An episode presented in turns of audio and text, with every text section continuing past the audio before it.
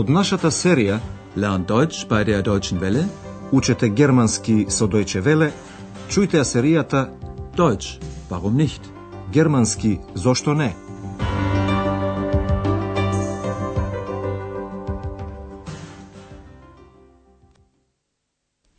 Драги слушателки и слушатели, денес ќе слушнете 16-тата лекција од серијата 3.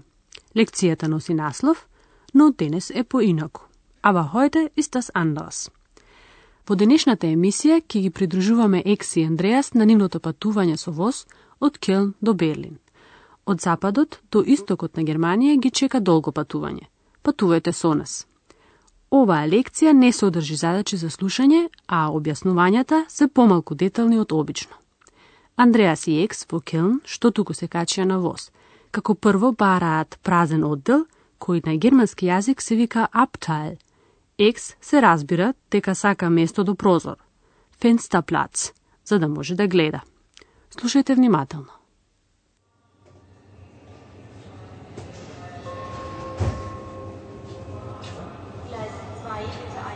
Ex, wir haben Glück. Hier das Abteil ist ganz leer. Ich möchte einen Fensterplatz. Aber natürlich. Toll, wir fahren ja schon. Was ist denn das? Das ist der Dom. Ist der schön. Und er ist sehr alt. Schau mal, wir fahren ja über Wasser. Das ist der Rhein. Den kennst du ja schon.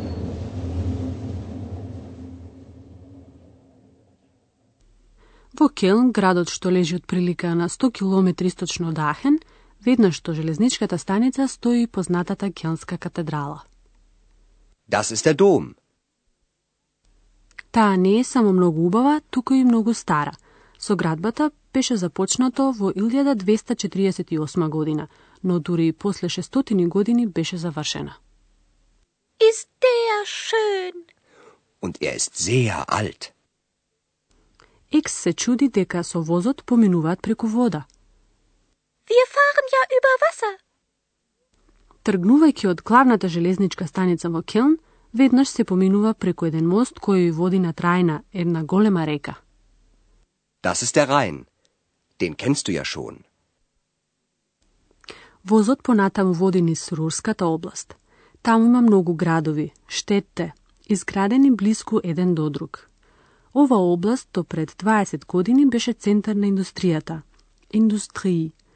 Луѓето работеа многу тешко во челичната индустрија, штал индустрии, во железната индустрија, ајзен индустрии, а пред се во родниците, Берgbau. Овие индустријски гранки во последно време затаија, но затоа се разви друга индустрија. Слушнете го тоа.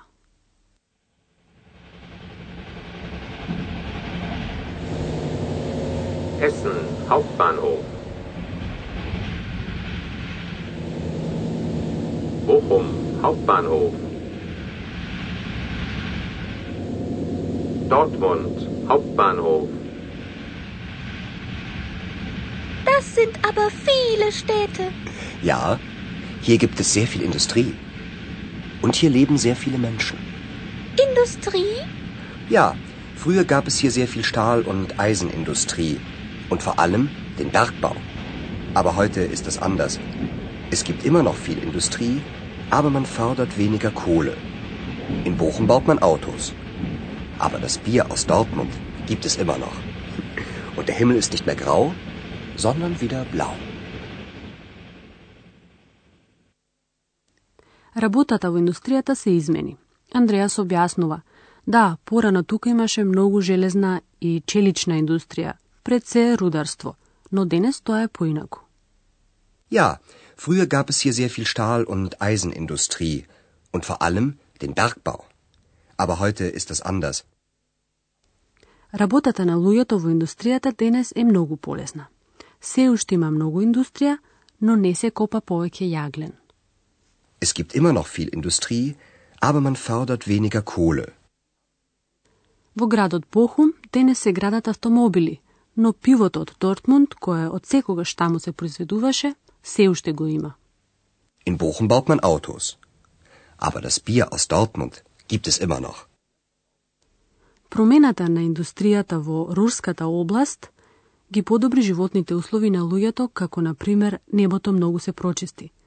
Небото не е повеќе сиво, туку сино како порано. Und der Himmel ist nicht mehr grau, sondern wieder blau. Но тоа екс повеќе не ја интересира. Таа гледа низ прозорецот и гледа една сосема друга слика, каде е застапено повеќе земјоделие. Landwirtschaft. Екс на ливадата, визе, стогледува животни. Коњи, ферде и свињи, швајне, кои се одгледуваат во оваа област. Schau mal, da sind ja Schweine und Pferde auf der Wiese. Na klar, jetzt sind wir ja schon in Westfalen. Hier gibt's fast kaum noch Industrie, sondern mehr Landwirtschaft. Возот продолжува понатаму, а Екс станува нестрплива. Кога ќе пристигнат во Хановер, таа дознава дека ниту половината, хелфте, од патот не го поминале.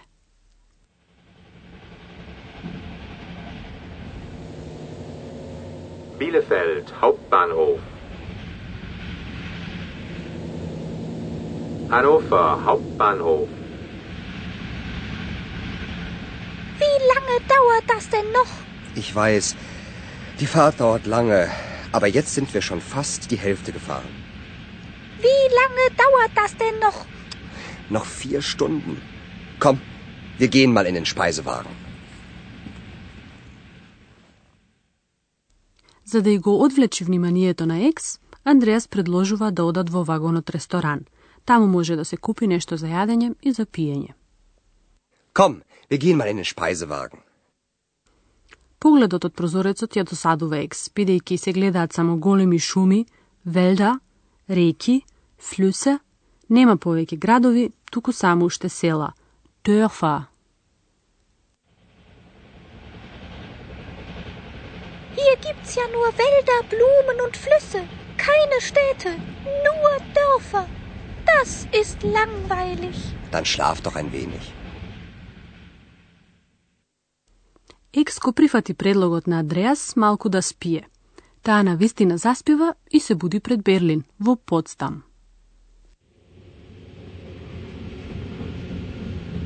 Potsdam. Hier Potsdam.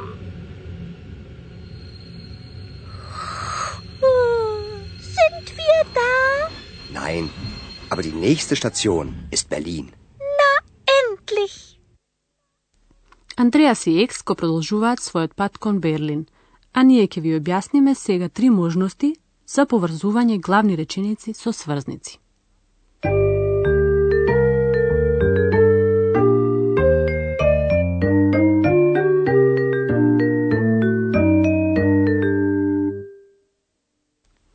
Речениците може да се поврзат со сврзници или конјункции. Сврзникот и, und, искажува набројување, собирање. Слушнете најпрвин две реченици без und. Hier gibt es sehr viel Industrie. Hier leben sehr viele Menschen. Слушнете ги сега уште еднаш двете реченици кои се поврзани со und. Und стои помеѓу две реченици. Hier gibt es sehr viel Industrie und hier leben sehr viele Menschen. Сврзникот но, aba iskažu rasprotivnost. Slušnajte najnaprej dve rečenici. Es gibt immer noch viel Industrie. Man fördert weniger Kohle. Slušne tegi sega dvete rečenici so aber. Es gibt immer noch viel Industrie, aber man fördert weniger Kohle. Svrznik od tuku, sondern, isto kako i aber, искажува спротивност. Сондан се употребува ако првата реченица содржи негација. Слушнете две реченици. Првата реченица ја содржи негацијата nicht. Der Himmel ist nicht mehr grau. Der Himmel ist wieder blau. Слушнете ги двете реченици со зондан.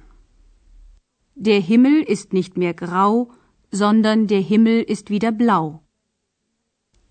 Бидејќи додатокот за номинатив, односно подметот во двете реченици е ист, значи деа химел во втората реченица може да отпадне. И глаголот ист се наоѓа во двете реченици и може да отпадне во втората. Der Himmel ist nicht mehr grau, sondern wieder blau.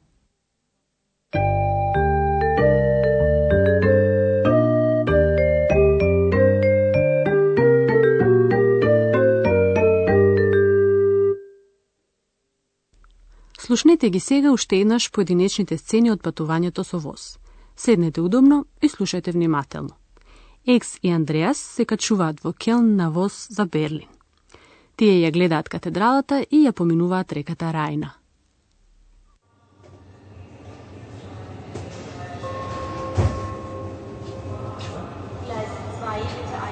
Ex, wir haben Glück.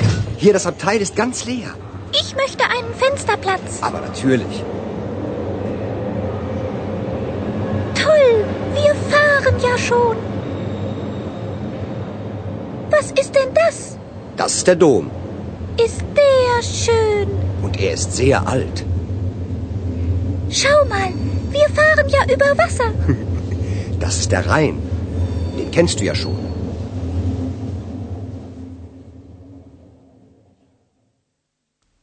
Тие поминуваат низ густо населената Рурска област, која е истовремено и важна индустријска област.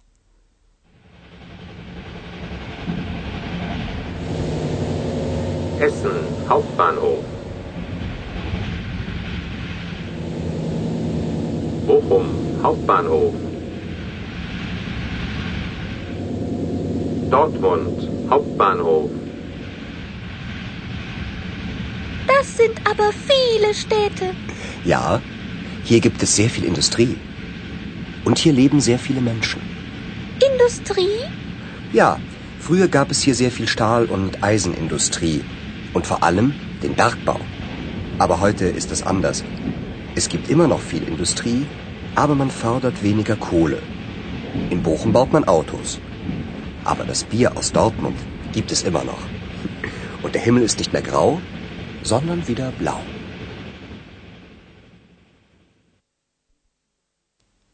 Тие патуваат низ една област каде земјоделството е многу застапено. Schau mal, da sind ja Schweine und Pferde auf der Wiese. Na klar, jetzt sind wir ja schon in Westfalen. Hier gibt's fast kaum noch Industrie, sondern mehr Landwirtschaft. Екс сака да знае уште колку долго ќе трае патувањето.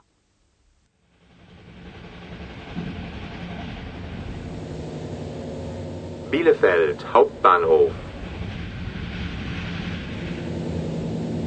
Hannover Hauptbahnhof. Wie lange dauert das denn noch?